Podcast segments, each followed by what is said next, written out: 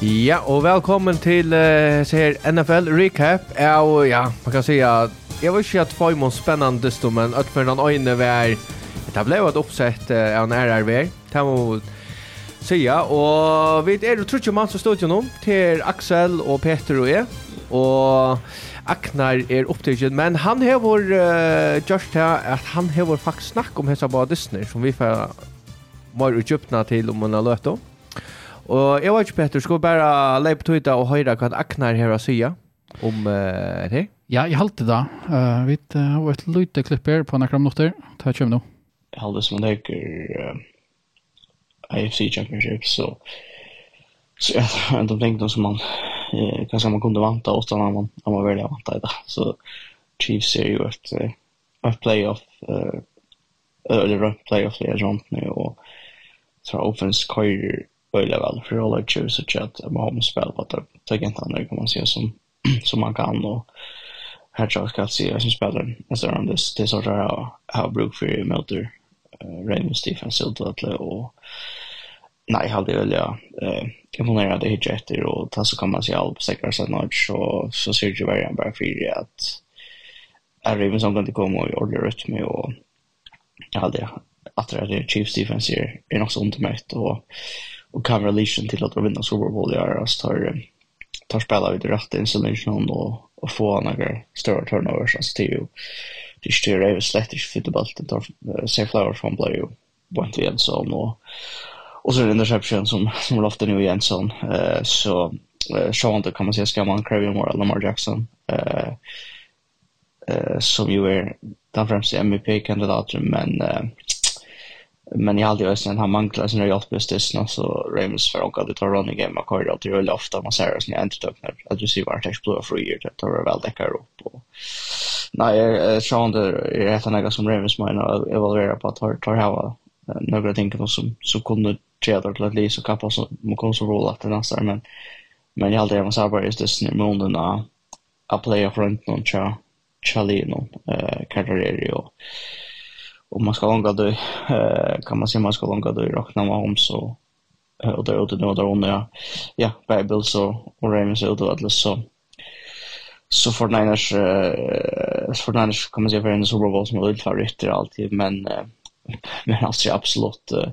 lagt upp lite och då jag tagit han just jag hade att jag vill säga ganska nära vart lag nu för Niners för alla så eh och så spelar vi tar det just ju Sean the Lions spelar eller klart men kan ska bliva man kan argumentera för det blir som det är aggressivt att det är framför vi vi tar den fourth quarter alltså tar för ett och vi två mån eh kan man säga att det är field goal range alltså tar man spel som playoff this står ut och så så man man också ta det stiden som är så det skiljer det finns fint där som när jag jag tänker på men men tas ut att byta där i hallen så så så kommer man när sig ska man måste se Brock Purdy spelar öle öle väl så att knowledge och förorda att loppen är väl vi så så när jag alltid kan man se man för en Super Bowl som ganska för några USA chans drömmer Super Bowl men som för den Charlie Chan är är fantastisk efter och kanske tror det är som jag ska säga för för att han börjar så hålla det upp till till det här som man är med den sätten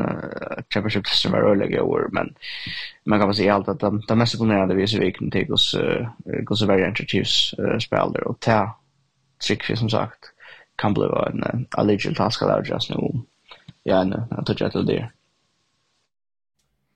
Jag tar det akkurat med över här jag säger. Klok analys som alltid. Ja. Öda stort test för. Det där. Jag tar det för sändningen. Men han han ändrar vi ju någonting till det att han säger att det står inte vill för snacka om Disney Fish, men det är inte inte han säger att Chiefs defense spela öla väl. men Uh, Charles Omeneo, han er torn ACL, og er han rymna viktig med vår av snare Chiefs uh, linon. Uh, så det kan uh, ikke til at uh, Ja, alla ska är relevanter när man ska spela Super Bowl. Ja, absolut. Men hvis vi uh, hopper ut uh, det stund vi tackar recap Luca till Ravens och Chiefs. Här vi vant av kanske en Ölian Jaunandist. Han blev också Jaunor och vi snackar också om försändning att det var kanske defense jobb och Lino som kom att spela faktiskt en Loiklod och i mån till att vi då hypa Lamar Jackson och eh Mahomes upp och det var ju att att ja, jag måste säga att att uh, Reven skuffa i kanske men uh, det är uh, sagt og fyr det, att tar spela, att Chiefs spela the Conference Championship, och tar väl då underdogs, och det har det inte ofta varit men det var då helt för i, i Baltimore, men uh, tar här Baltimore först och tar skåra, uh, och touchdown, uh, och sen första två drive någon men Ravens fær bara 8 touchdown i första kvarter, men alltså första kvarter så har det gott ut. Alltså man man, man är satt högt i också nu är det orta shoot out. Ja. Alltså det är bara dun dun dun men uh, men det för det inte av era. Men det har blivit inte till att tempo har brottest och varje när som vi då just nu var inne i att här blir få bättre temmanhalt av dess. Eh Og Chiefs får et field goal av en håndløyk til uh, støvna Sejan Shea. Og det kunne kanskje Lions uh, lasta av Batijo field goal. Men Ravens var i scoring, altså tar vi gåar på sjøen nekra ferier. Uh, Sjalt noe ikke skåra i øren håndløyk. Uh, Arjen, altså Ravens, uh, ui, ja, vi två minutter nekter klar minka til Seijan 14. Uh, men Mahomes uh, og Chiefs tar mekna renna klokken ut og trykker seg her uh, ja, så en fjorda tur till Super Bowl av fem år. Eh, som man måste säga är är flott och Milan är i i USA vill jag vara vi att vinner Mahomes nu så är han en av de allra största och är är väl sagt han är mitten tar allra största Lonko. Han var så nog alltor. Men en en också en industri. Eller kan jag säga? Det må man säga. Det är inte akkurat uh, så läs är så distance ut. Uh, Spurningen er, skal man tenke det positive eller det negative først? Skal jeg si det? Alltså allt bara positivt för kvön. Börja vi negativt och så ändrar vi negativt. Ändrar vi positivt. Ja, så att jag halte att um, Ravens tar tar här tar hantera distance skift och it tycker vi visst att här må föla att tar um, har ett gott någon distance och till nekva ting som henta som gänga gäller tjata i mån. Um, först och främst. Ja, du tar skåra touchdown alltså nästa drive dist då. Som var faktiskt ett öjligt gott uh, touchdown. Ja. Alltså det var Men det som är halvvägen också vi snackar om det negativa så har jag att höjer som skulle faktiskt steppa upp uh, till dömes uh, hevor uh, er det Flowers, jo, han fær uh, er, er det 24 rush yards. Eh uh, Lamar Jackson tek bara och kula bulten och så för han tanta yeah. eller on sportman uh, behavior och kontakt eller vad det kallas det. Det är bara ja. Det nej det var fyra tanting. Fyra tanting ja. Och och färra 15 yards åter ja. Ja, alltså faktiskt så alltså jag jag hade det man kan peka några ting ut. Alltså jag hade Ravens har fem eller sex personliga fejler i det snön. Alltså 15 yard penalties yeah. på och sportsliga fejler som är rättliga vilt tal, särskilt i en så viktig industri. Han var simpelthen ivetendrar, alltid. Ja. Han var skrattat till. Men, men Flowers uh, och Theos Granier, er, han, alltså han fomplar och åttjärlinjer här han kastar och stretchar sig. Och I fjärra quarter, och fjärra attan för vi, vi tog stigen. Ja, och till är för jävligt. Han ska han ska bara helt bollen och så då står ju åtgärd ett ettla ettla en short och så har det bara under bollen. Ja, och det där som händer i fjärra quarter, alltså tar tar är ju scoring position tvärför. Fyrst fyrir fumbla etter en linje, og er fyrir så kastar Lamar ein håpleysan Ja, og en, triple coverage. Ja? Triple coverage. Yeah. Harry han røyner gjør for og man kan si, hei, høyde Ravens bæra sparska uh, field goal her, Stein fyrir for det, vekk, så tar der høyde bølten atter, så høyde jo vel kunna jauna distin. Vi tar ikke den ta, så her kom at feir øyligende håpleyser feiler, i fjorda korder, som kostas de direkta. Och jag vill säga att det kostar touchy och det är det som, som man kan säga att det här manglar vi till så stan. Så, så hvis man vill så kan man på en annan måte argumentera för att det här kostar i distan. Så det är det jag tänker att och till coaching staff tja, tja Ravens.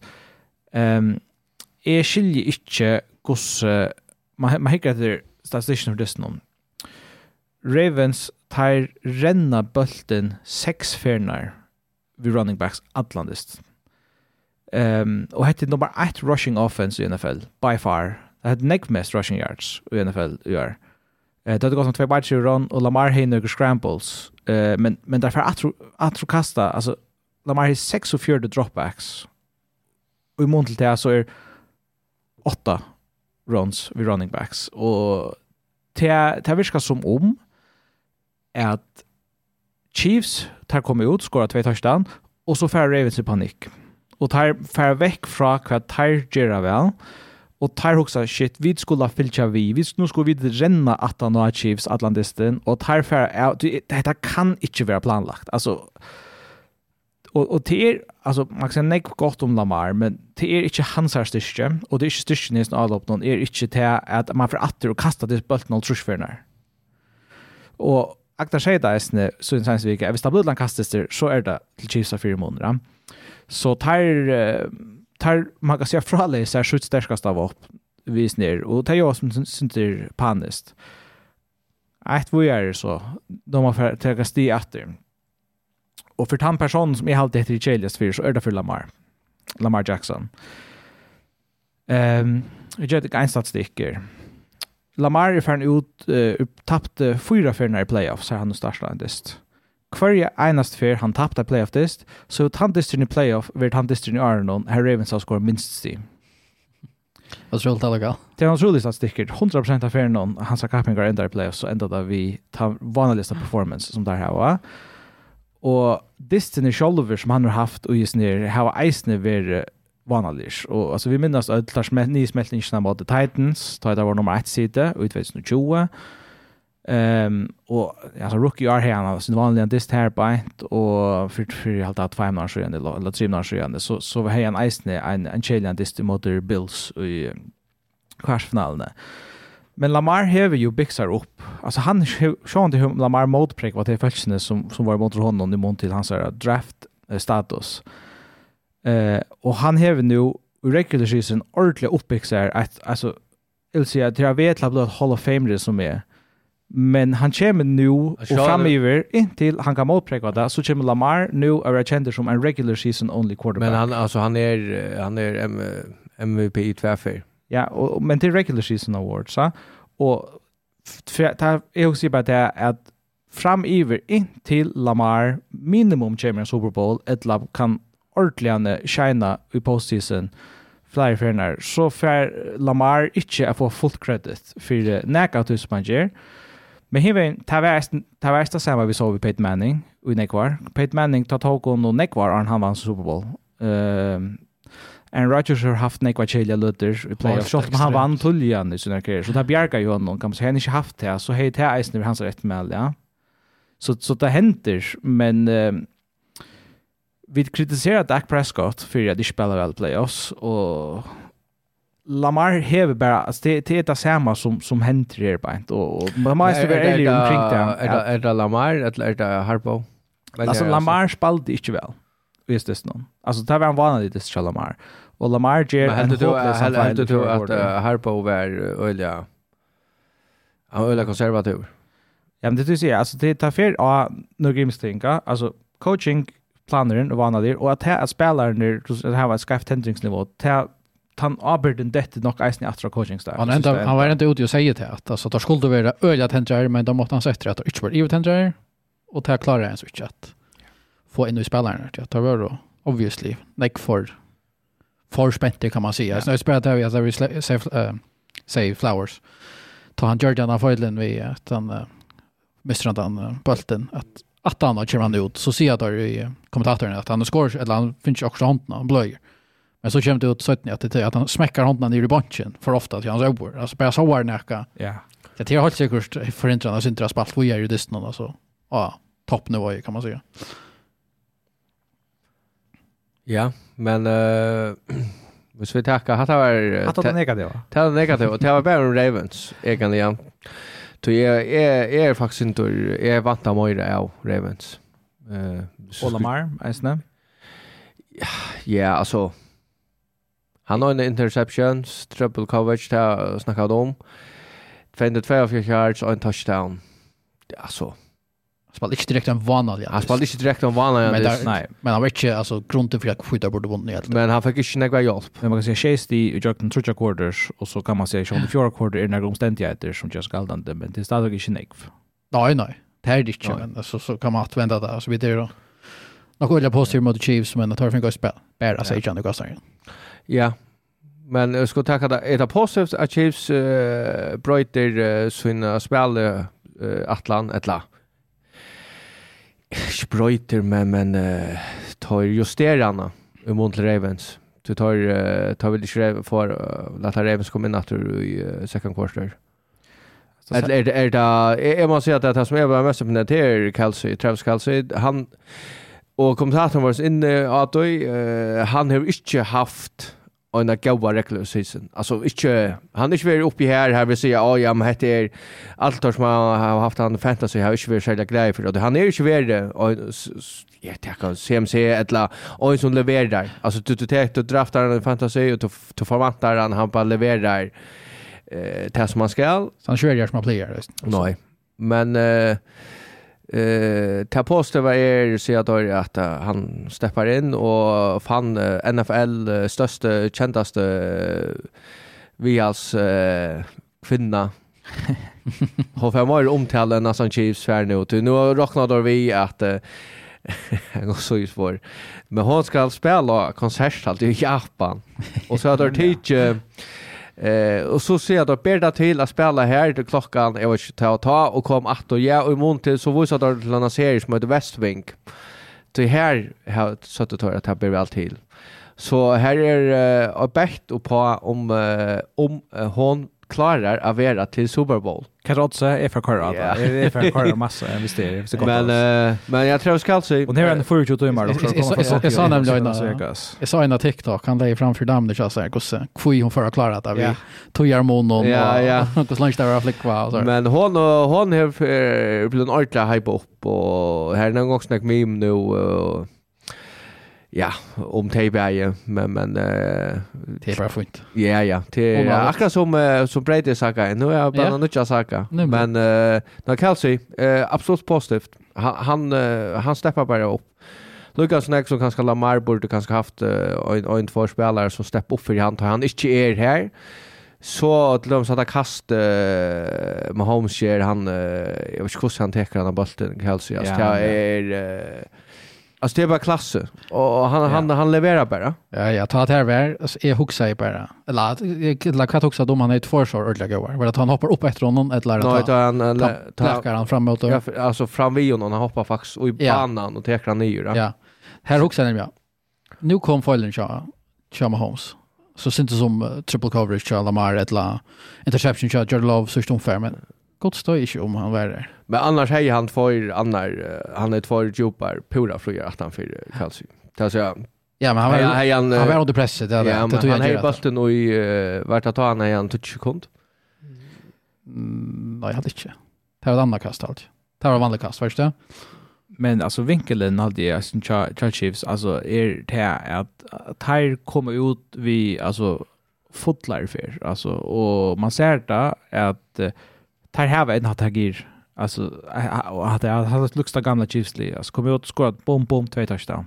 Då är det alltså jävligt imponerande och och tar värma Holmes och Kelsey som körde det. Och där är alltså skorar det halta första touchdown. Kelsey 116 yards this någon. Ett receptions och fair for boy. Ja, Jerry Rice som all time receptions i postseason.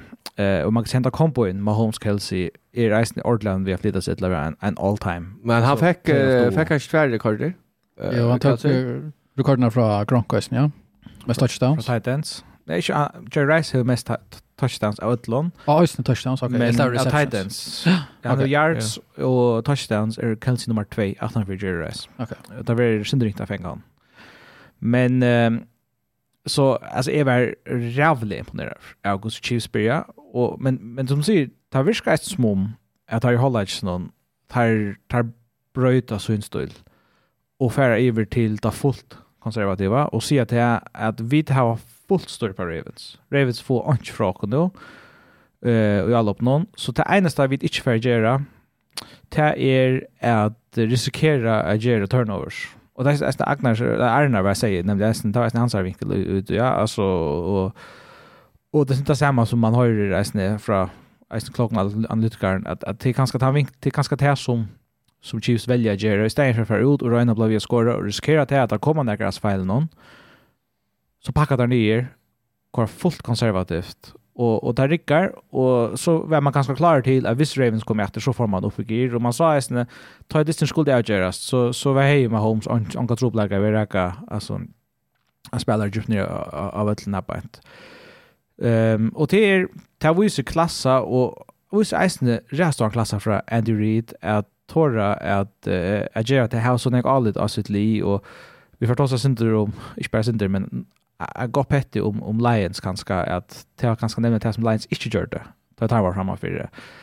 Ehm och som så ända vi har kastat hem men um, fullt alltså credit till uh, till Chiefs för den där och hvis man så tar resten SD efter här så kan man se att det är att det är otroligt gosse successfullt det här vi med Mahomes och Kelsey. Alltså Mahomes är starstan nu i sex år i NFL kom ni Conference Championship kvart år, fjorda Super Bowl. Det är faktiskt eh till rörst alltså och vi står vinna nu så så så vill det nämligen tror jag Super Bowls på på på fem år. Och det minner ju om det som Patriots har de ner allra mest. Ehm um, och då fick man sen huxa, jag syns så. Is. Han var rätt att man har att spela i AFC. Tja. Några nästan linon och det är vinklar alltså som Ravens och så där och, och Bills Iron alltså för sure alltså the Chiefs have ett vanligt år. Jag vet inte klara att komma förbi där. Vi är alltså hetta var år här Chiefs inte inte så starkt och där nu stannar det att göra. Ehm Det ska och snack dynasties har fyllt i i AFC för för hooks som där och så hook till look att rätt då ja. Så jag test tror Så här var sex quarterbacks spalt i Super Bowl i AFC. Bara sex, alltså på hade 22 Super Bowls. Brady spalt nutje. Peyton Manning spalt fyra. Ben Roethlisberger spalt trutje. Och Mahomes spelar så nummer fyra nu. Och så i mitten här har Flacco, Flacco spalt en och Joe Burrow spalt en. Alltså det är en otrolig... Eh, Lutlemong, alltså det är, det är simpelthen det är Peyton Manning linje, Patriots vid Brady, Steelers vid Ben Roethlisberger, og så Chiefs vid Mahomes. Alltså det är färre då. Och där får bänt, alltså övergängen mellan Brady till Mahomes var ju armar. Ja.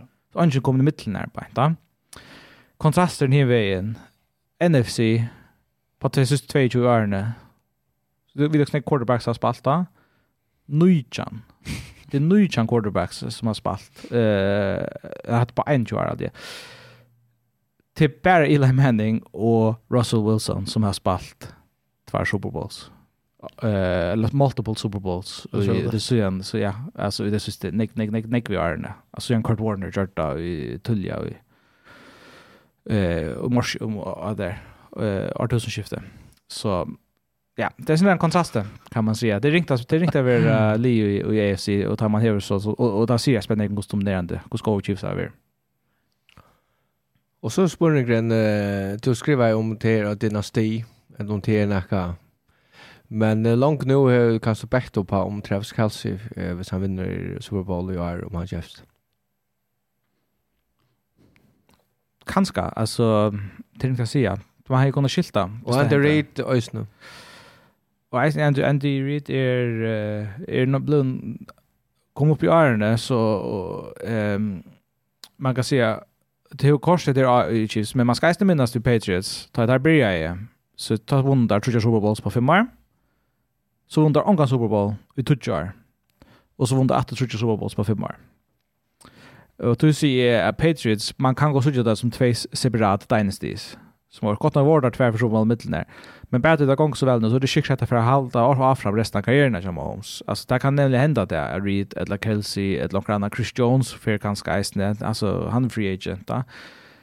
Eh, det kan hända nek. Så tror man man sätter pris på att med det kan man säga.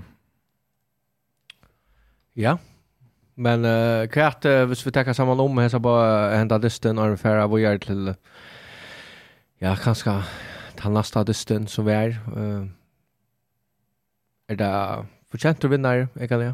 Og så tar vi et uh, tog at uh, jeg var ikke av vi tippet, og jeg tippet uh, Ravens å vinne, men, men det tror jeg jeg tror vel at jeg har Ravens hei og et, et bedre liv. Jeg må skuffa av Ravens enn at jeg imponerer av, av av Chiefs. Ja, vi visste jo at man kunde gjøre. Tog er det som det var samt ut her, at man är mer skuffad av Ravens att de inte klarar av det här för till att det till att det är så dominerant och i grundspelen. Ja. Den där som där spalt i mån till Chiefs som har varit inte så som så och till sälja wide receivern som har skilt att Chiefs har spalt så där just att väljarna vill få in men nu steppar där upp eh Schalber. Valter Scantling han kan bli Dora Lofta. Ja. Jag kände bara där det snön och så här så. Det Han fick också någon sorts år av en att han tar att att kassa til han. Ja. Og Jan er så avkjærer løt, og han er bare, jeg minst bølter som jeg vet ikke hvert. Han minst nekka bølter som var i her, han skulle bare tidsju. Ja, jeg tror, men så kjøter at det er ofte han er frøyer, men at det er ikke ofte kjølt man er frøyer. Alltså är väsne. Alltså min vinkel är nog eisen synte större mån att skuffelse av, av Ravens. Eisen tror jag att ifall Ravens omgång till ordentliga pressa Chiefs det som alltså så vi fick helt angående den distan nämligen att jag Chiefs fan i det jag gärna vill jag säga där rönta helt helt spelar långt långt upp eh och jag det att det blir mer underhållande hugg efter och tar var och tar som elva gånger så övers för hugg som den och till att Raven sett Sarah Scholta med Holmes under press alltså tar Russia och rädda få affärer och i mån till att man snackar om det att eh Mahomes har ju inte haft de vapen som han har haft under i år. Eh han han får onkan ordla han blir onkan ordla sett under press. Hade ju inte alltså i mån till eh kat eh alltså ja vi tar så alltså vi tar så syndromar att han jobbar Joe Tony i Chevy. Lag ta kommer bli kontrollerat att han spalt han spalt inte och det här var man sa att det var en reserv i fyran.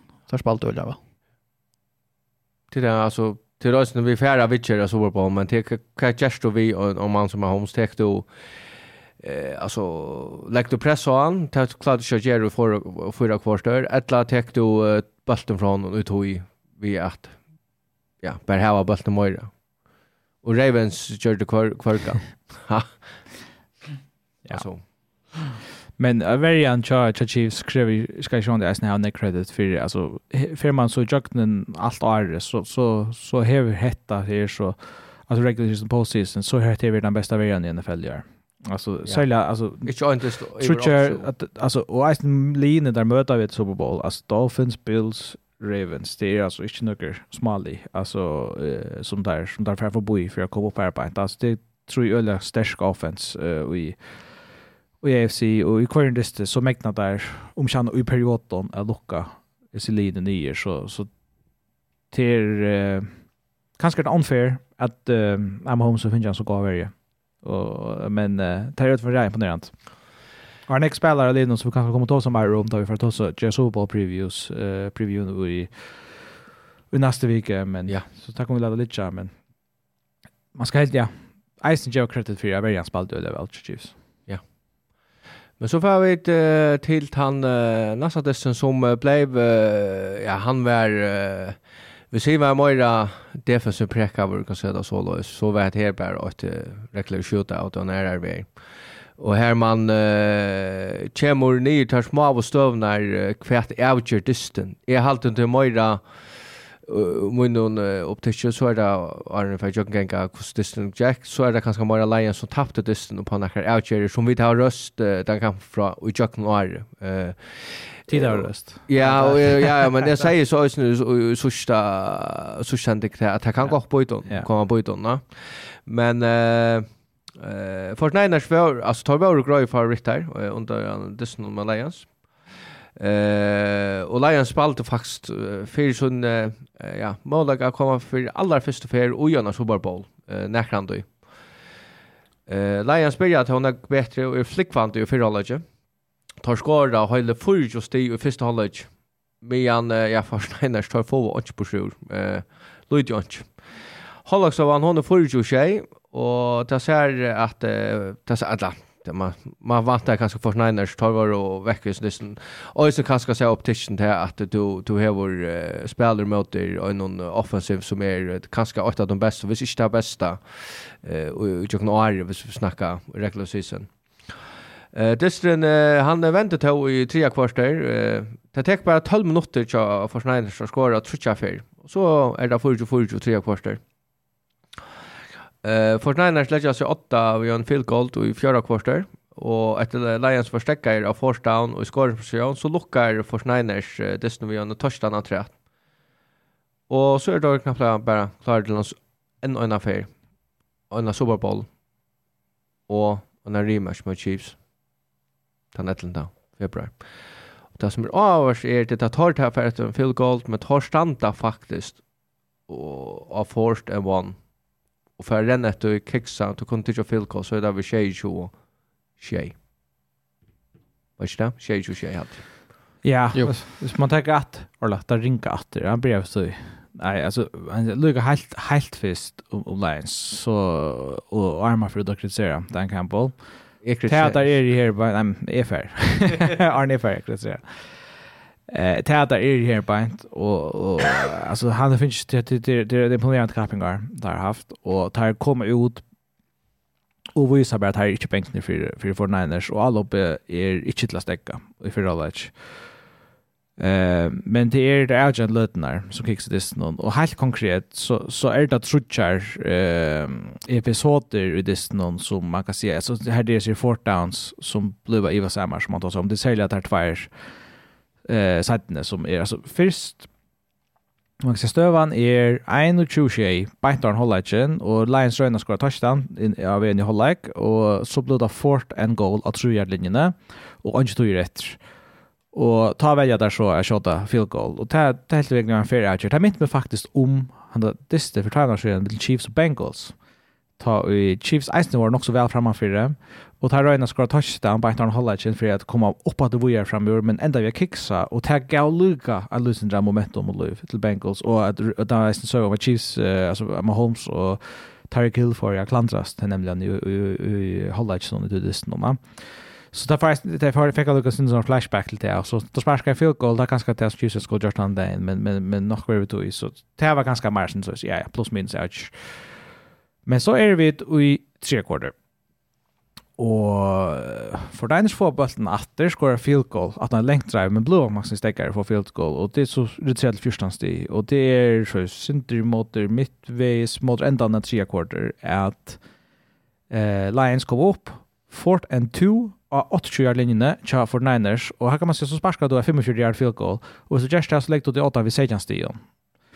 Men det er veldig så færre etter, Och så kicksade det. Ta. Och det som händer är att for Niners får upp, skåra, touchdown och så fumble Lions att og och Cardinals får bultet at stått på banan, touchdown efter Distin Jauner. Ehm um, fourth down Algerian, hon ehm sier, det er faktiskt hänt som jeg har lagt mest til, det mest kritikk i middelen om, uh, i USA. Uh, Kjalt Mihalt, den, den siste er, er den, den som er, er den ringkaste. Um, til det er at du er framfor i fyrstan, Og tar, ta der kiksa her, så går det momentum at for Niners. Alltså så följt för Niners, alltså nu har vi, nu har vi det sindra löv att det och jag kan hjälpa inte. Stanford har sparska i, så er det tre possession game, vi tjo mot rett det distan. Ehm men du har jeg kunnet försvinna in fra om man skårer, och så det var en just i, men, men månaden halt i mitten första och tjej är större än månaden mitten Sejan och 21, och jag kan hese støvende vill jag argumentera vi så så jag håller det nästan där att han ska vara Jaren. Men uh, ja, nog vi vet så så är det här ändan det någon. Fort Niners har lagt sig åtta vid tre mån i fjärde kvarter och så vi ska ske mot rätt så är två driva två upp till affära att skåra. Och vi ske mot rätt så är det fort and tror och tredje vi är linjerna till 49ers och du kan skjuta ett 24 yard field goal till jauna distan. Och man väljer affär ett då för nej vi skulle skåra så skulle jag 8 och ta kicksar resten då. Och så är det Vi tar seg om dagen, hette er til Alliance her vi kjente fire, og hette er til som ankursvekkene har først dem her til. Men, altså, ja, jeg, jeg må si som mer, jeg, jeg halte i eisen til at man må være før fire at tillige sunna, sunna filosofi og sin strategi etter efter omstövningen och desto. Man kan inte bara säga att, att nej, men det är rätt affär att det så ska man göra det.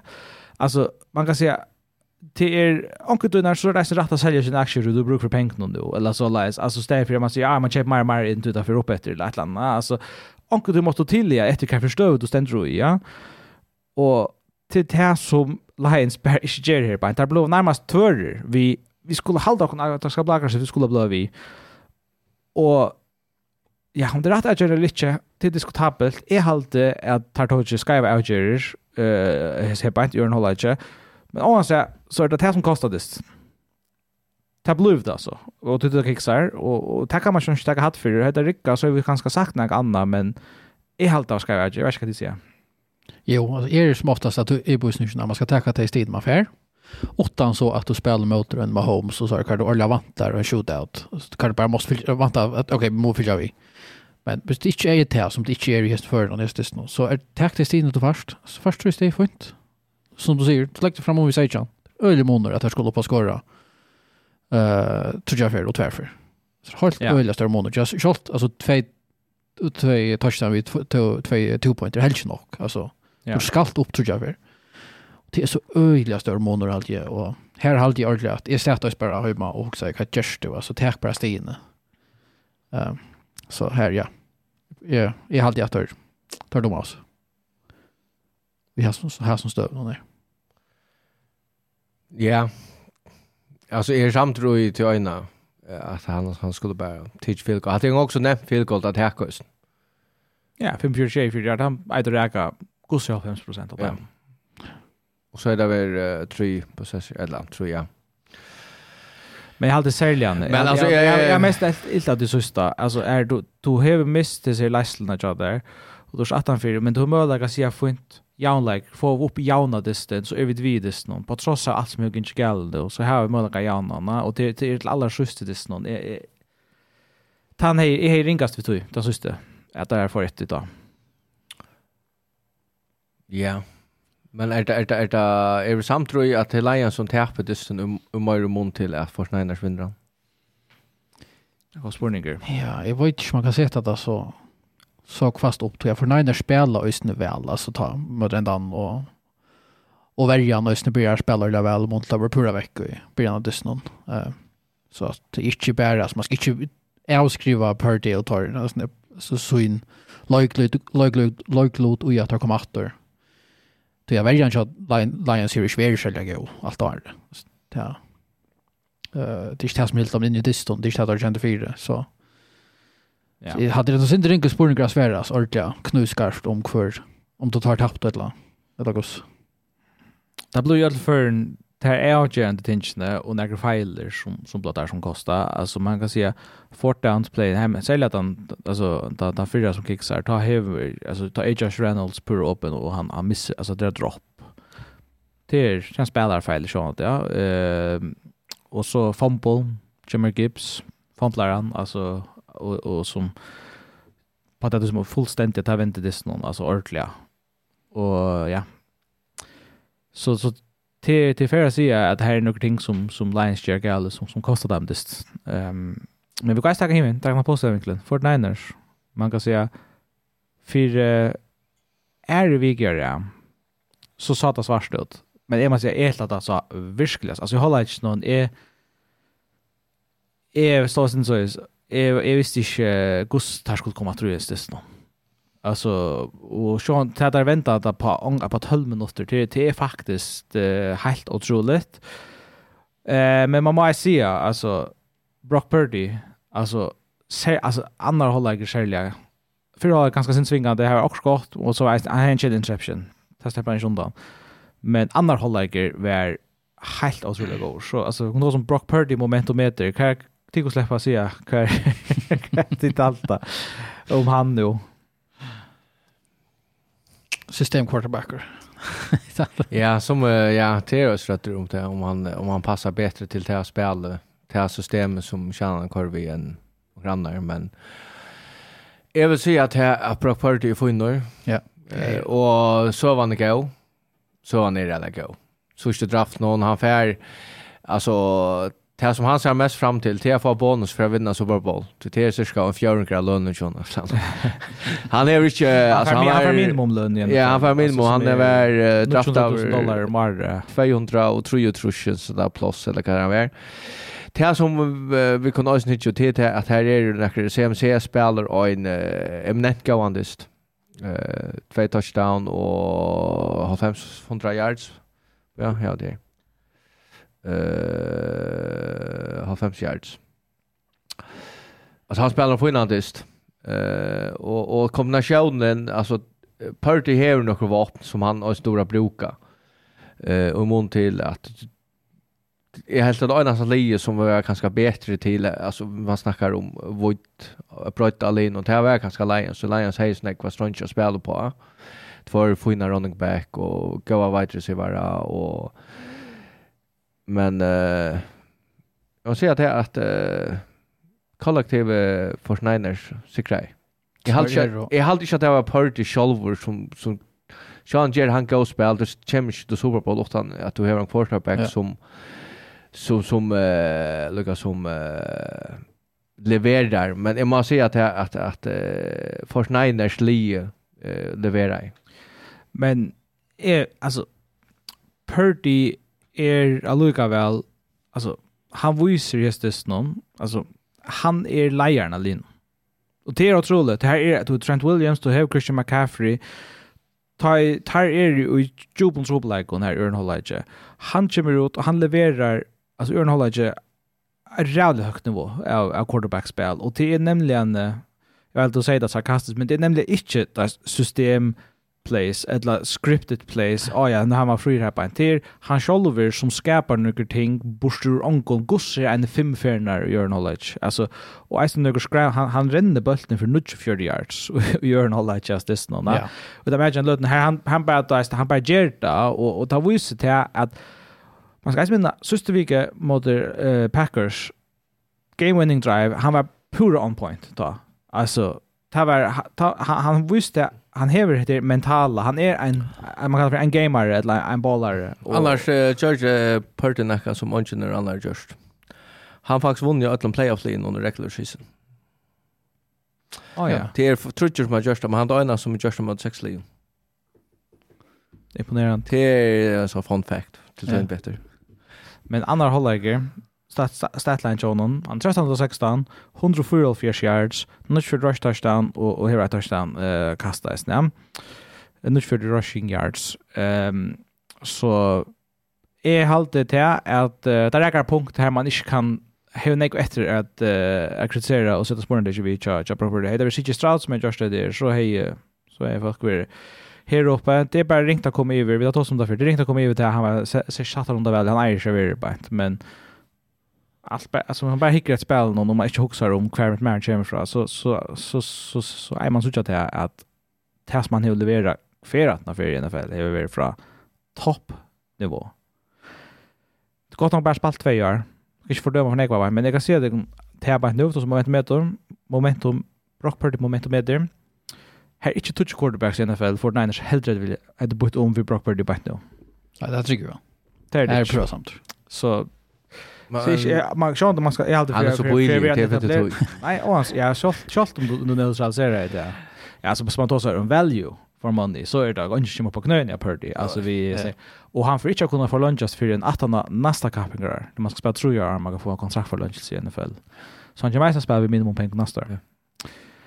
Och det är ju sånt där man har pengar till att bruka på Nick Bosa och på Adlin-spelarna eller någon. och det är det är ju inte löjna, det har hjälpt på dem att leva väl.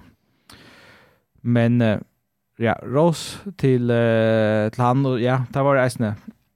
Så McCaffrey hey några några några viktiga ting her på då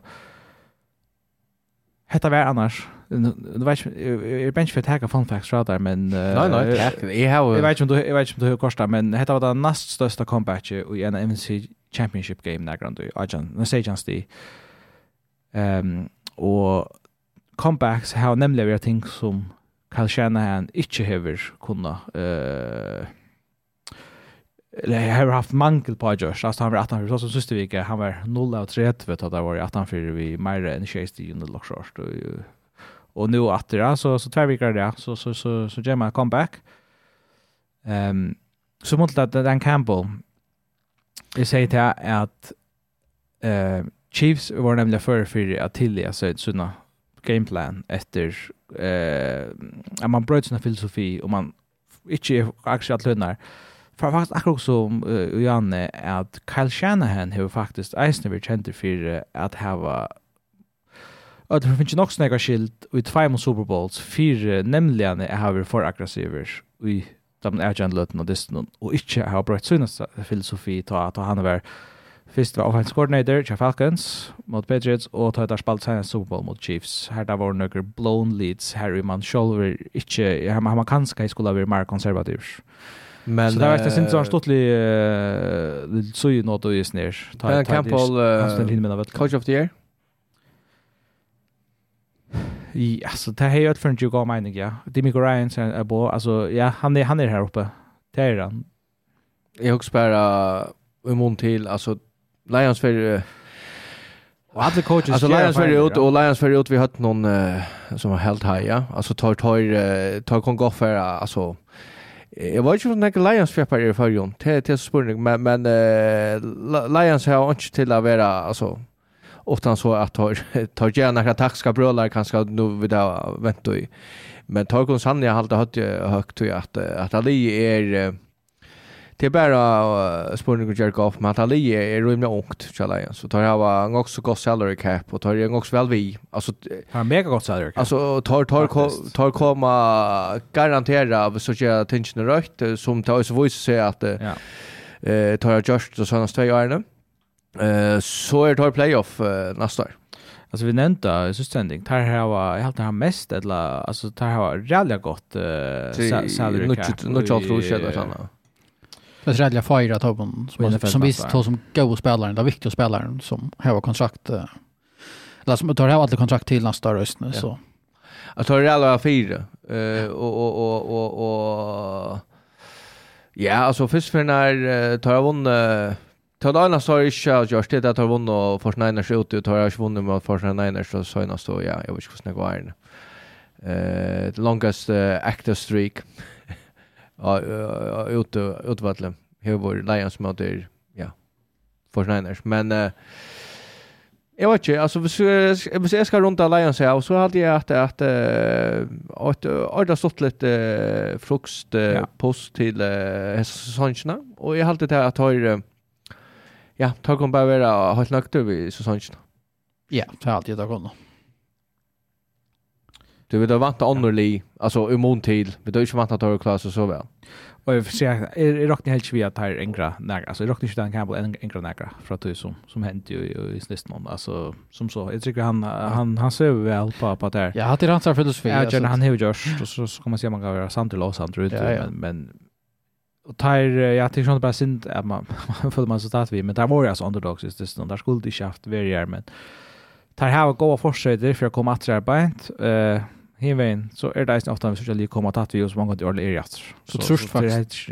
Det trust faktisk ikke snakk for fjepper og eggs. Altså for niner fjepper internasjonalt, ikke for jo. Jeg har spalt på til at tar halta at USA som holdt halda torver underdogs når de spalt mot Packers Alliance. er det är roligt. Ja, alltså, Packers were underdogs yeah, och Lions ja, tar er underdogs. Men tar sig ja, tar spela underdog like Lotten Shoulder. Fjärparna i allt det. Okej. Det är det roligt alltså. Nu vill så så bättre vi toja Packers spalt mot dem nästan. Man sa akkurat det samma att de spalt mot Lions. Han har stått det att det är så oj jävla så mycket bättre än Zelda Packers och Oyster bättre än Lions. Men så är det någonting som conference League det när så om man säger att att det är två lag som för ut och ett lag som är halt inte kommer nökter. Alltså nu måste kosta för ut. Jag hade att Lions kunde vara nökter. Här alltså det är rätt linje kanske som inte Super Bowl. Alltså heter vi underaldan. Ja. Det är det och, och fick man att på kappingar så är det förtjänt att vi stann där vi Chiefs och 49ers så det är ja, det är en rematch från Super Bowl 4 fyra år sedan är det nu. Det var hamrande. Spännande. Men jag hade kanske är det fyra år sedan, ja. Uh, kanske, alltså för Schneiders är då uh, favoriter. Uh, kan man säga. Lite favoriter. Jag tar två steg, ja. Eller det ligger två tror jag. Jag flotsa till ett senast i hårt eller ett och ett. Men jag är ganska mer lutcenter att man blir vi vi att höra Chiefs Underdogs. Att han har minst två i linjen nu, ja. Mm. Och hon hon flytt hon flyttar era Lucenter men eh um, att det är, det är så tätt faktiskt ja. alltså. Ja ja. Där då, men är inte tror att uh, tippa i motor Chiefs. Är inte det för oss som kan vi få se ta fotboll preview kvar för vinna eller ett annat men ja. Men vi kommer nog ta in det och annars har vi eh, tack och kött jag någon. Eh Joe eh, Brock Party gjort nekka som... Uh, det er et lite... Ja. Ongen quarterback er gjort i 93 var. Ikke så han Joe Montana, han faktisk. Og hva er så til? Det er at... Uh, Det var sørst og två kvarter var Pörte nesten perfekter. Han uh, completar 13 av 16 passos for 104 för yards og en touchdown og i uh, 17 hållet. Han är ösnen tvei trutja scrambles for 2 yards.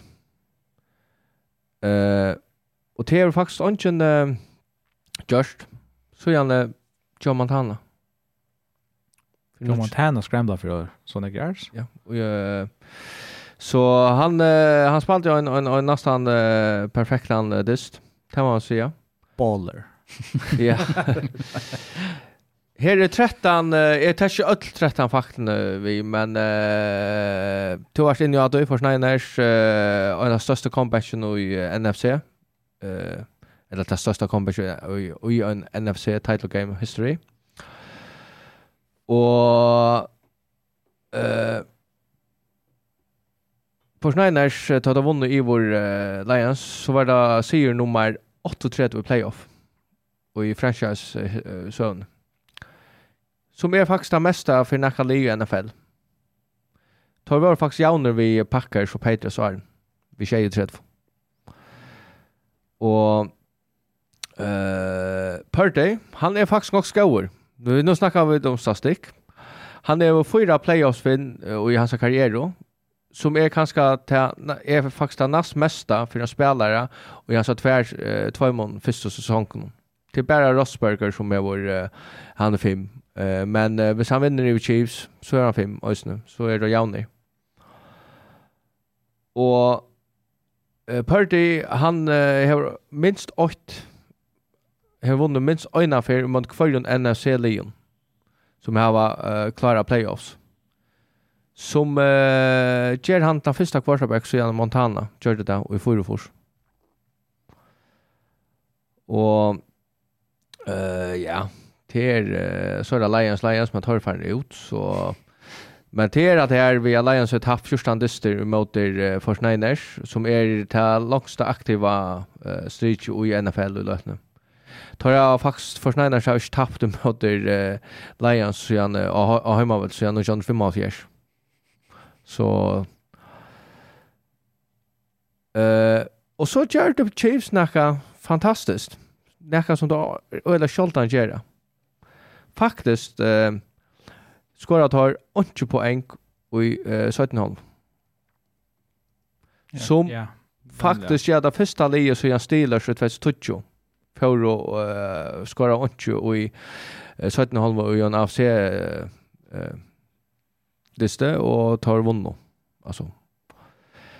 Ja, Kelsey, vi snackar om dem. Han uh, han uh, håller in och Jerry Rice. Uh, tar han tog så 11 och Han tog bolten, eller lofta bolten noen etlofer. Så han 106 alt rush för alltså postseason karriere, som er det mesta i NFL-søvn. Og Jerry Rice hei 101 alt rush. Uh, Kelsey har òsne nu 14 dyster, playoff-dyster, vi minst øyne touchdown. Som er uh, Ajant Rice i NFL-søvn. Altså hvis han skorar i NFL så har han två rekordna ensamhandler. Eh, det ser bare hvordan vel og hvordan gaur han er, jeg kan lea. Uh, Mahomes, han uh, er den første spelaren til å starta i uh, fyra Super Bowls, og er han tredje. Han har også, uh, han har også vunnet 14 dyster på postseason, som er uh, Aja for den uh, tre mesta og i søvne. Det er bare och så höll det fast. Han vann första fair. Tom Brady, ja. hur så ofta har han vunnit? 35, jag säger ja. Ja, det är också. Ja, det heter det. Och Joe Montana har varit 16. Ja. Men så, så, så då, då sportade du Aston, eh, så kan gå tag ta oss om det. Kvar Mahomes egentligen ja, för att bli lite henne all time nu. Alltså nu sjönde redan en karriär. Så inte säga, men... Alltså i mån till att gå så långt tar spela kvarta bäck i det. Alltså sjönde han för kanske ha en chans i Night Brady på ett land utspår men men det ska det han inte till och spelar till Brady vann tjej Super Bowls uh, men Eisen till Brady spelade så väl så långt men man kan säga början i karriären i Chama Holmes kan inte samarbetas med någon quarterback alltså Charlton Brady vann så var han inte så dominerande uh, man individuellt som Holmes så vidare men man kan se upp mot olika ärar man kan säga Peyton Manning har väl det sagt när Mahomes långt är ödloförn alltså on track till alltså han för ända framme för han tar han vill leva. shot man inte för att vinna när jag säger Myra. Ehm han manglar ju bara få några grejer ner man kan säga ackumulera en statistik någon för passing och så där och kanske han MVP att säga att men så hör du hinner John Elway, Fyrstan, The Wins, Eisne, Steve Young. Det kanske bara Montana då ordentligt argumentera för det än är att vet framme för det och hvis Mahomes vinner nu så så har han trutchar man tar i fyra alltså er han långt vi att vara nummer 2 all time quarterback. Alltså till till lugga vi. Och han är i spelen 3. Ja, mer än 80, va? Ja. Men eh ser jag fast. Jag ser verkligen jag får. Annars är det ett annat som sticker till det att du ska never bet against Mahomes. True. Eh Mahomes är 3-0 som är playoff underdog i hans karriär. Eh Tog han det var, uh, och som är också flott att han har lugan nek för underdogs vinn som i position som Brett Favre, Dan Marino, Steve Young och Jim Kelly eh tillsammans. Och alla heser Hall of Famers var då 3 och 25 som underdogs i playoff. Det som man alltså det tog jag tog uh, hvis man så säger att vi står underdog nu till Super Bowl så är bara bomba pengar då. Nej. Eh vi snackar om Lamar Jackson. Uh, Lamar Jackson uh, är faktiskt uh, uh, för uh, han är vår uh, ja, jauner vi uh, tog uh, femte ringas och rekordna för en quarterback som har startat fem dyster. Han är 2 och 4. Uh, wow. Ravens tar har vunnit 6 och trus dyster. Det sa han alltså 6 kappingarna. Mm som er ajant for den nast mesta i NFL söner for Joli, som ikke er klara Super Bowl. Eh, det øyne salier som er just det samme som er faktisk bedre, det er Chargers som vunnet 6 og 6 trusdister mellom 2004 og 2020, og det kom ikke i Super Bowl. Eh, og så er det her vi eh, Reid og Shannon til er for tar møttast. Hette fjord og fjord i NFL, så er her tvår venner har møtt og i en Superbowl minst tverfer. Vi har ikke hatt her så gjerne Bill Belichick spalte tverfer når i møter Tom Coughlin. Yes. Det er sikkert måtte være, ja. ja. Kom til det sørst. Så hadde var noen... Uh, Hvor skal ikke ta det snart? Nei, det var alt. uh, så hadde var bare nokka... Man ser ett som Ja, election of Georgia Facts. Det är störst i år, så det var godt vi fängt av vi. Ja, det var det stått vi kvar. Vi då tog. Fåna gratt nästa vecka kan ju så. Ja. Men uh, vi färra NFL uh, eller Super Bowl var i Los Angeles, Las Vegas. Nej, Las Vegas och Chicago. Skulle faktiskt inte vara Las Vegas. Det skulle faktiskt vara i New Orleans. Sen. No? Okej. Okay. Men tar uh, til Øtlandet vi tar atta og okkurs av treat, gjør noen rokeringer, og så enda det vi at uh, datum var bort av Mardi Gras. Men uh, det var i Super Bowl, og i 2025 var i New Orleans. Som gjør det at det er et lund fer at det er i New Orleans. Det er en, en opplagt bo i det her, du. Ja.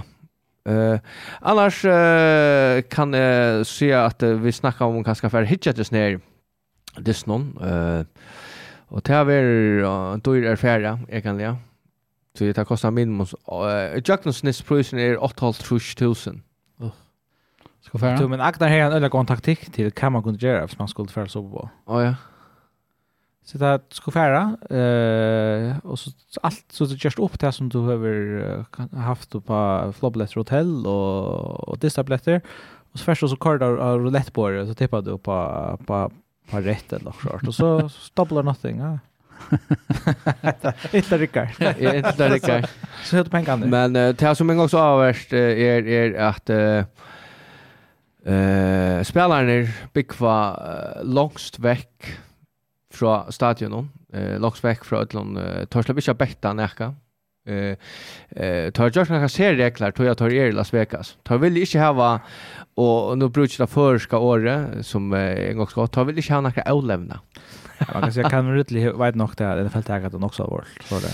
Men eh tar för spela Alitium stadion och vi där var Richard on affär Levi stadion. Nej, SoFi stadion som är den där stora kämpstora skärmen som uh, ja, öliga imponerande och hejer sin egna habitat runt om och så. Men uh, det är stadion som tar tar färra att spela Super Bowl. Eh, är det näst dyraste stadion i världen. Det kostar öjnans 1,9 eh, miljard dollar att bygga. Uh.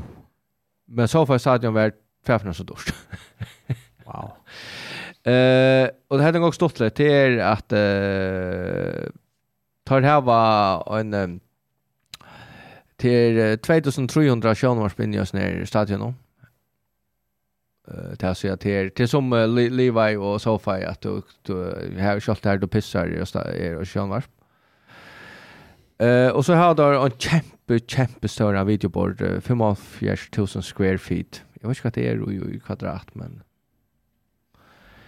Eh och tar jag jag har alltid ta sen skär men eh tar jag så att för vecka alltså tar jag sett mera stolar upp. Eh ta öra att kan tror ju tror tusen halt ja. Kanske passa. Men eh och det är så i Atlanta att uh, Super Bowl är här. Vi kliar kon. Vi får göra också. Eller vi tar planer om. Jag vet ju. To be determined. Ja, faktiskt.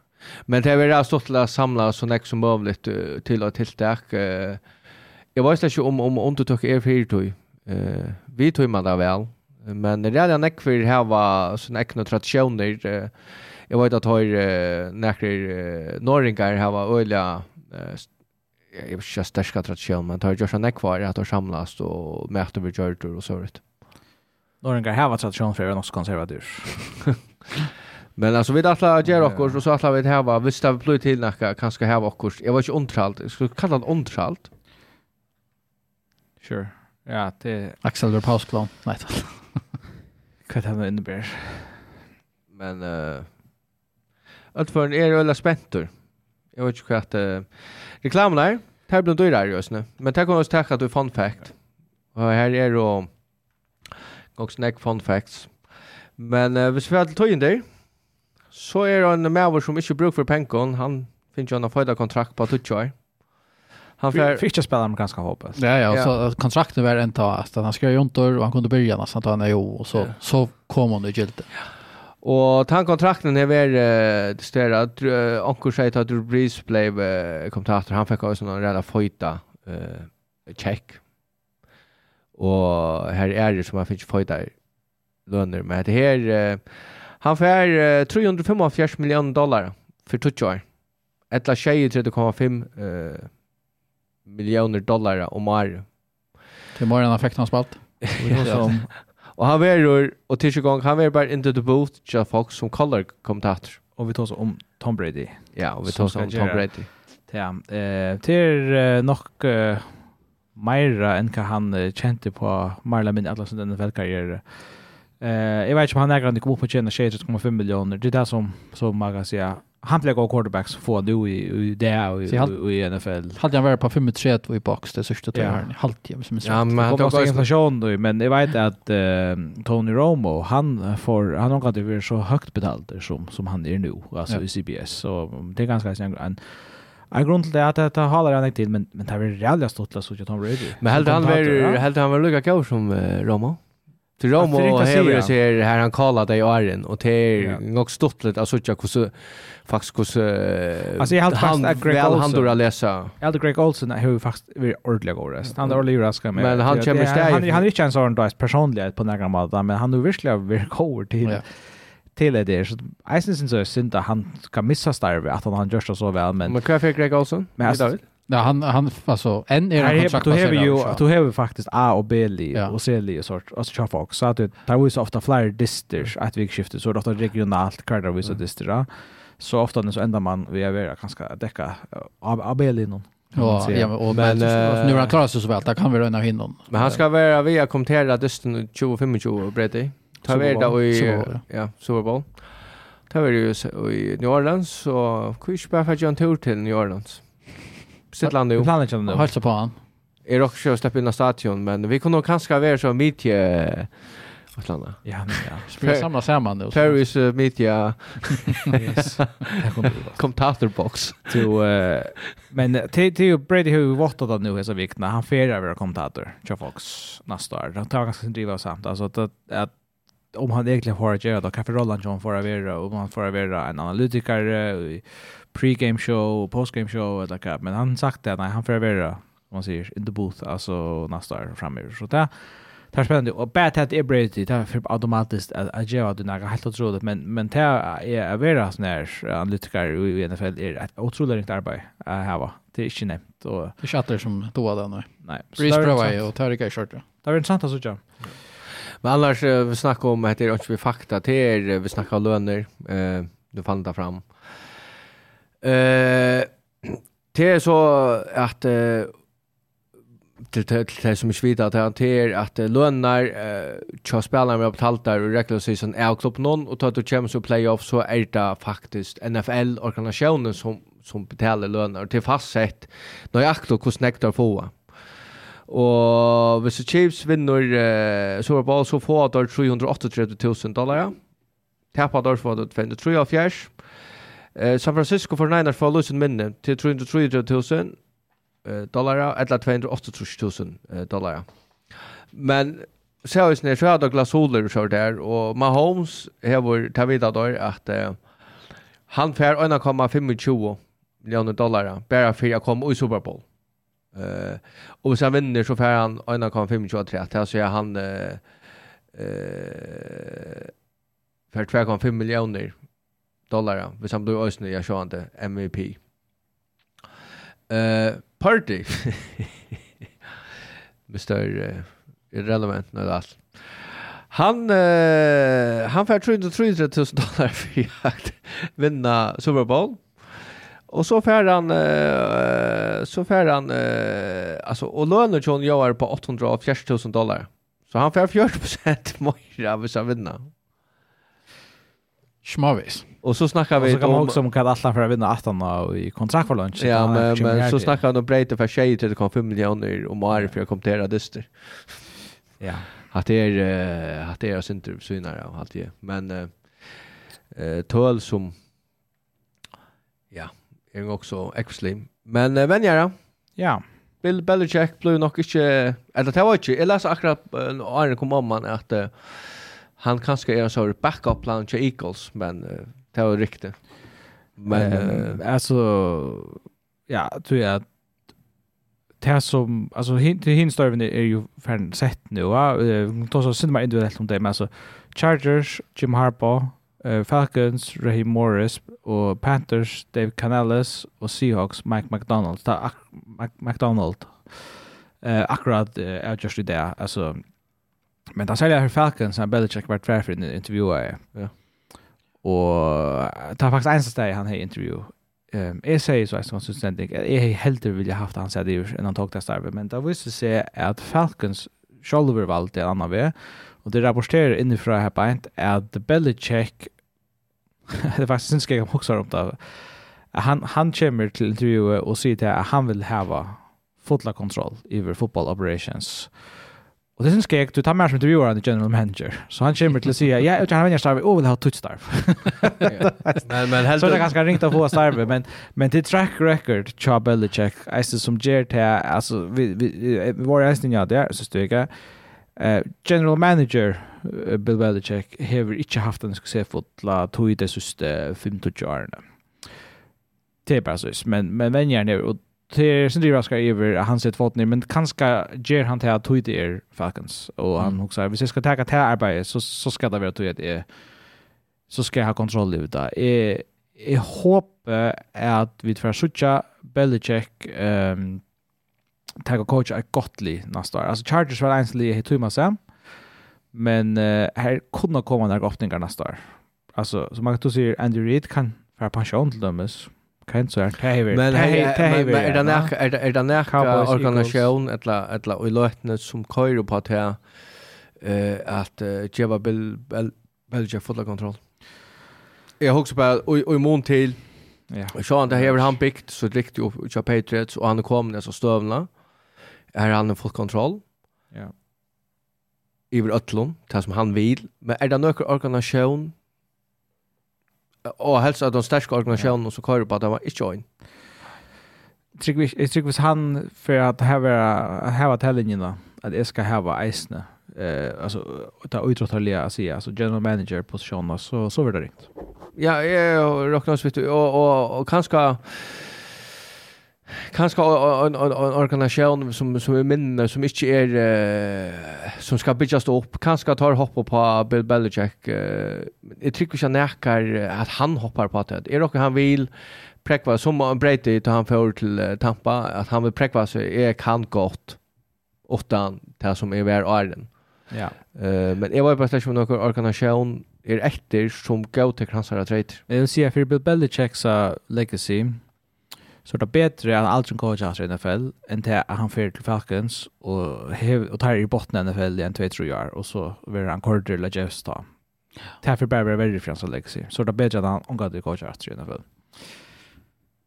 og sier ja Men annars så vänjer jag till sjätte till Falcons, Ryan Morris. Chargers, Jim Harbaugh. Det är ett big time här. Det var, jag säger Bill Belichick, ja men Jim Harbaugh är nog lika vi är bättre väl. Alltså sägs det Harbaugh har mer uh, långre sikta är man kan säga möjliga över vänner här kanske en en Belichick. Och det som Jim Harbaugh har varit går till, till nämligen att arbeta vid quarterbacks. Alltså han, han spalt, alltså Alex Smith fick, han bjärgade karriären till Alex Smith och minns att Colin Kaepernick blev ju en mega relevant quarterback och för där Super Bowl ta vi under Jim Harbaugh så det är faktiskt jävligt intressant att han uh, att här finns ju han uh, affär ur Michigan till, til, til å komma in här på ett och arbeta samman vid Justin Herbert. Um, det här lyser en cap troblägon i, i, i Chargers, men hvis de får allt att hänga samman så kunde det bli ett öliga farligt liv. Så jeg skjønner inte helt at man er division sammen med Chiefs, så det det, är, det är inte nämnt att vinna i AFC. Det Det har jag sagt för det och, och här är Nekuli som stannar i kö alla för Chiefs till att vara där nästa lie men um, kanske är det noe? Agnar vill säga nej, men, uh, men uh, jag hade ju helt før att, at det er godt här. Ja, det är allt just. Ja. Men det är vurs att han uh, har succé här som han fyrer, så. Den nästa är Nick Saipan, han fyrer, kommer ur retirement och fyrer upp i NFL. Mm. Uh, Panthers, uh, Dave Canales, och det är som är som uh, halte at det er og, og godt match, men och så är det Seahawks, tar tacka Mike McDonalds, Jag hade det överraskande att um, alltså några såna här så bara alltså men jag hade det mer alltså det tar så mycket plats efter alltså Ben Johnson i Lions är skiljer inte att han inte fick ett ett arbete men Ben Johnson har sagt uh, läs också att han ville vara verande i Lions uh, det är ju att han Ja. Alltså han ville inte ställa, han ville helt vara verande. Jag kan ju inte ens en rapport om att han kraut nog snägg lön. Fyra fyra första Fyra första att Lions har ganska bjån och han går som pengar för överande här och så han ganska vilja krafta sin mer för att head coach. Men men ja han är inte på något sätt till till Lucenders mystiskt för mer men det kan vara häst när han ser det samma vi i ett last ark chem kan skock smart så. Ja ja måste det är som like kvar i raskeros kvar för att attacka där bro. Ja Panthers lömmes. Så kvar för att hymma här att ta starvet tar man över täpper till som att göra och bestämma över framtiden när så. Och det blev så en, uh, ja, Dave Canales. Så jag kan inte att jag kände januari. Nej. Han var så Buccaneers, ja. uh, eller offensive coordinator, så Buccaneers. Ja. Som man säger, Mike Rapel har vi heller inte sett där. Nej. Pete, Men, men, men, Pete Carroll har vi inte sett där. Eh, tycker. Är det mer överraskad över att um, uh, inte inte överraskad av Pete Carroll, nej. men, men, men Ben Johnson och, och Rapel och Belichick att här skulle vara arbetslösa. Det är överraskad med. Ja, Rapel är inte Ja, alltså. Det är inte så vanligt att alla head coaches för att direkta från en till annan. Ja, de men tar så neck för eh att snack för men som är färre åter till att alltså defensive coach eller offensive coach eller kanske line coach alltså tar tar det tar själv till quarterback coach eller men tar det också så här hierarkin och att har er och, och i lojära mm. stapp någon sort här och, och få faktiskt sådana fina lön och hålla sig in i game då va? Men det var så så inte det att boja ett år alltså. sitter ut i ett år så kommer åter ett för college så kommer åter. Ja, men det är alla snack för till snack för head coach som färra nior i college. Eh det är sjoltan. Det är annan game. Det är annan game. Det är annan game över college coach. Och du du så ofta... rekrytera och alltså high school spelare, det är helt annat ting av college coach. Och du särs ofta att du du flyter, tar så komma upp och är du åtta år eller två i NFL, tar för efter college, du tar häva nätverk och tar känna game, ja. Och, och kanske klara sig bättre här, ja. Uh, vi har snakket om det før, skiftet fra college og opp til NFL er så drass, at det er større moner da. Ja, og det er fire som... Gjert Larbois i resten forskjellig. Ja, og det er fire som har ordentlig større suksess at gjøre at det transitter. Uh, Hevet av vurst. Uh, at at du fast massiva suksess att förna. Alltså vi sa Skottland Nick Saban heter Rob till han var i NFL, yeah. Dolphins, og det er faktisk bare, og nå kjær du er det nemlig bare Jim Harbaugh og Pete Carroll som har vært supersuksessfotler av college og NFL-nivå. Og Nick Saban er, er hvis ikke hans største, men middeltår største college-venjeren. Jeg halte han er den største, og nå kjær du, og nå kjær du er han, altså, han har vunnet seks, uh, 26 national, tjej, National Championships yeah. i Alabama. Ja. Och två som det nämligen inte riktigt tror, det är Kingsbury och han kör vart Jaguars. Så är det natt. Avengers är på plakarter. Ja, alltså kom från college. Arndog Peterson. Ja, ja. Urban Meyer. Ja, Urban Meyer. Ja, så han och, och Cliff Kingsbury. Där ja, öle... katastrof att Urban Meyer, ja. Men Kingsbury var en gång snack vatten hon, Jag drack det. Där öl hype om han om han säger off as mat jag kör offense på och för att drafta Kyler Murray och Men annars uh, ser jag där uh, största alltså snack om det en gång så avvärst men men eh snackar in och han säger till att uh, det var Moira amerikaner blir nu Moira alltså college fotboll är är är kämpestörst och så alltså det vi vi gör fair om det blir att nästan överhalla NFL eh och och och hitchat hade AHA tog är att det samma som vi såg i fotboll Premier League är att det blir kommersiellt det pengar pengar pengar och till några andra ting som spelar här in en bara Roy spelglädje så ser jag att college fotboll är börjar blåa st og, og større solvører nå. Det säljer regionalt. Ja. Alltså, hvis du tar så här stor Soverstaten någon, ta er college football next year. Alltså en, en fälle. Hvis du först till Alabama och du först till Carolina och Texas och här omkring. Ta ta er kanske Texas är det ganska nöjda ändå ja, men men så är Georgia, Alabama och, och Michigan. Det går för över här till här Raiders och Torero. Här är det alltså alla SEC konferensen tas SEC uh, college football det tar tar själva mer än NFL distrigera. Först så sjön det upp till uh, man kan säga nordösta, alltså Boston och New York och så tar tar NFL större. Men man är snart trubbel vet du Los Angeles västanför till USC är mer populär än än Bay NFL linjer. Ja. Alltså och UCLA uh, Green Bay till dömes. Eh uh, till college league som är Green Bay och Clarksdale. Michigan. ja tar uh, spela av Lamperfield. Uh, nej, det är Michigan spelar inte Lamperfield. Det är inte Michigan, men det är, det är ett liv som spelar där. Uh, jag tänker på att googla det.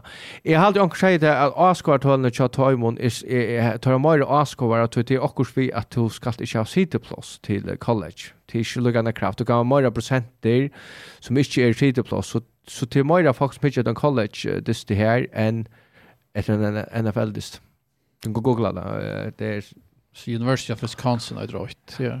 Vad kör jag klar i? Jag ska skicka att Adrian är out time stadion. Att de flesta det största stadion i världen är college football stadion. Alltså så Michigan, Ohio State, alltså de har det största stadion i hemmen. Och det tacka jag vet inte. Här har vi snackat om så tacka det först vi skiftar så är det onklingar. Det är ett 8 till 21 veckor gamla. Och då spelar för en av fjärs 100 000 folk ja, och blå kjent til långt, ja. Och, och, det tror jag att å si til at klare til NFL är så svårt, tror jag att uh, college football är så kämpestörst.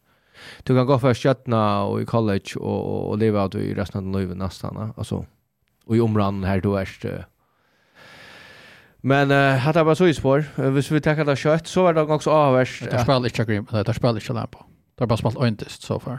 Ska spela øynt 8-6-2. Och spelat spelat så ingen fast college. Ja, det tar er och så är det University, University of Wisconsin som är startaren, men tar spelar inte alla på. Nej. Här ständer det Wisconsin has played just once in the stadium. Tar vann och tar spelat mot LSU i 2016, vann och tar ska spela mot Notre Dame i 2016. Okej. Jag Helt rätt. Men jag syns jag syns på. Ja. Alla ordla svispår. Men uh, det här som var ösna avvärst har vi varit innan Ben Johnson, han var verande i Lions. Uh, Bobby Slovic var verande i Texans. Uh, och vi har också till Kinley inne här vid uh, Tvårs. Cindy Raskant han tar valt och fortsätta och så där. Men uh, Arthur Smith, uh, en uh, head coach av Falcons. Han är uh, offensive coordinator för Steelers. Ja, han blir kortere i år och sint, ganska sinter av vant allt det är själva för jag kan starboina vi efter. Och så blev jag visste att jag blev Steelers. Ja, og Eagles er synes var nu til offense coordinator. Kellen Moore ble en offense coordinator, og Vic Fangio ble defense coordinator. Erbent. Ja. Fra, fra det Ja. Och Vic Fangio er, jeg halte til att jag halte det å catch. Jag halte faktisk, ja. det kan bli ordentlig gott. Det kan ikke bli negveriet, for det er Nej, nej, tänker spela jag också på att han är han uh, kan några ting. Eller det präkvar så. Men uh, ja, så är det nästa vecka. Vi får fyra dagar kvar till uh, Super Bowl uh, preview. Det var spännande. Det var uh, er video till för några er till för några smätt. Jag vet inte vad vad tippa i sig. Det var öliga spännande allt. Det er bästa när Arnold leder vara. tatt på. Tack på som av jævlen. Men vi ska ha en sondag 8 NFL, fyra gånger till uh, tomleikan som får vera framöver, så vi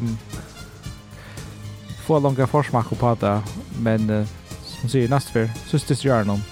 Systis gör någon och tar Las Vegas, vittlare, dyrare än uh, näkrande.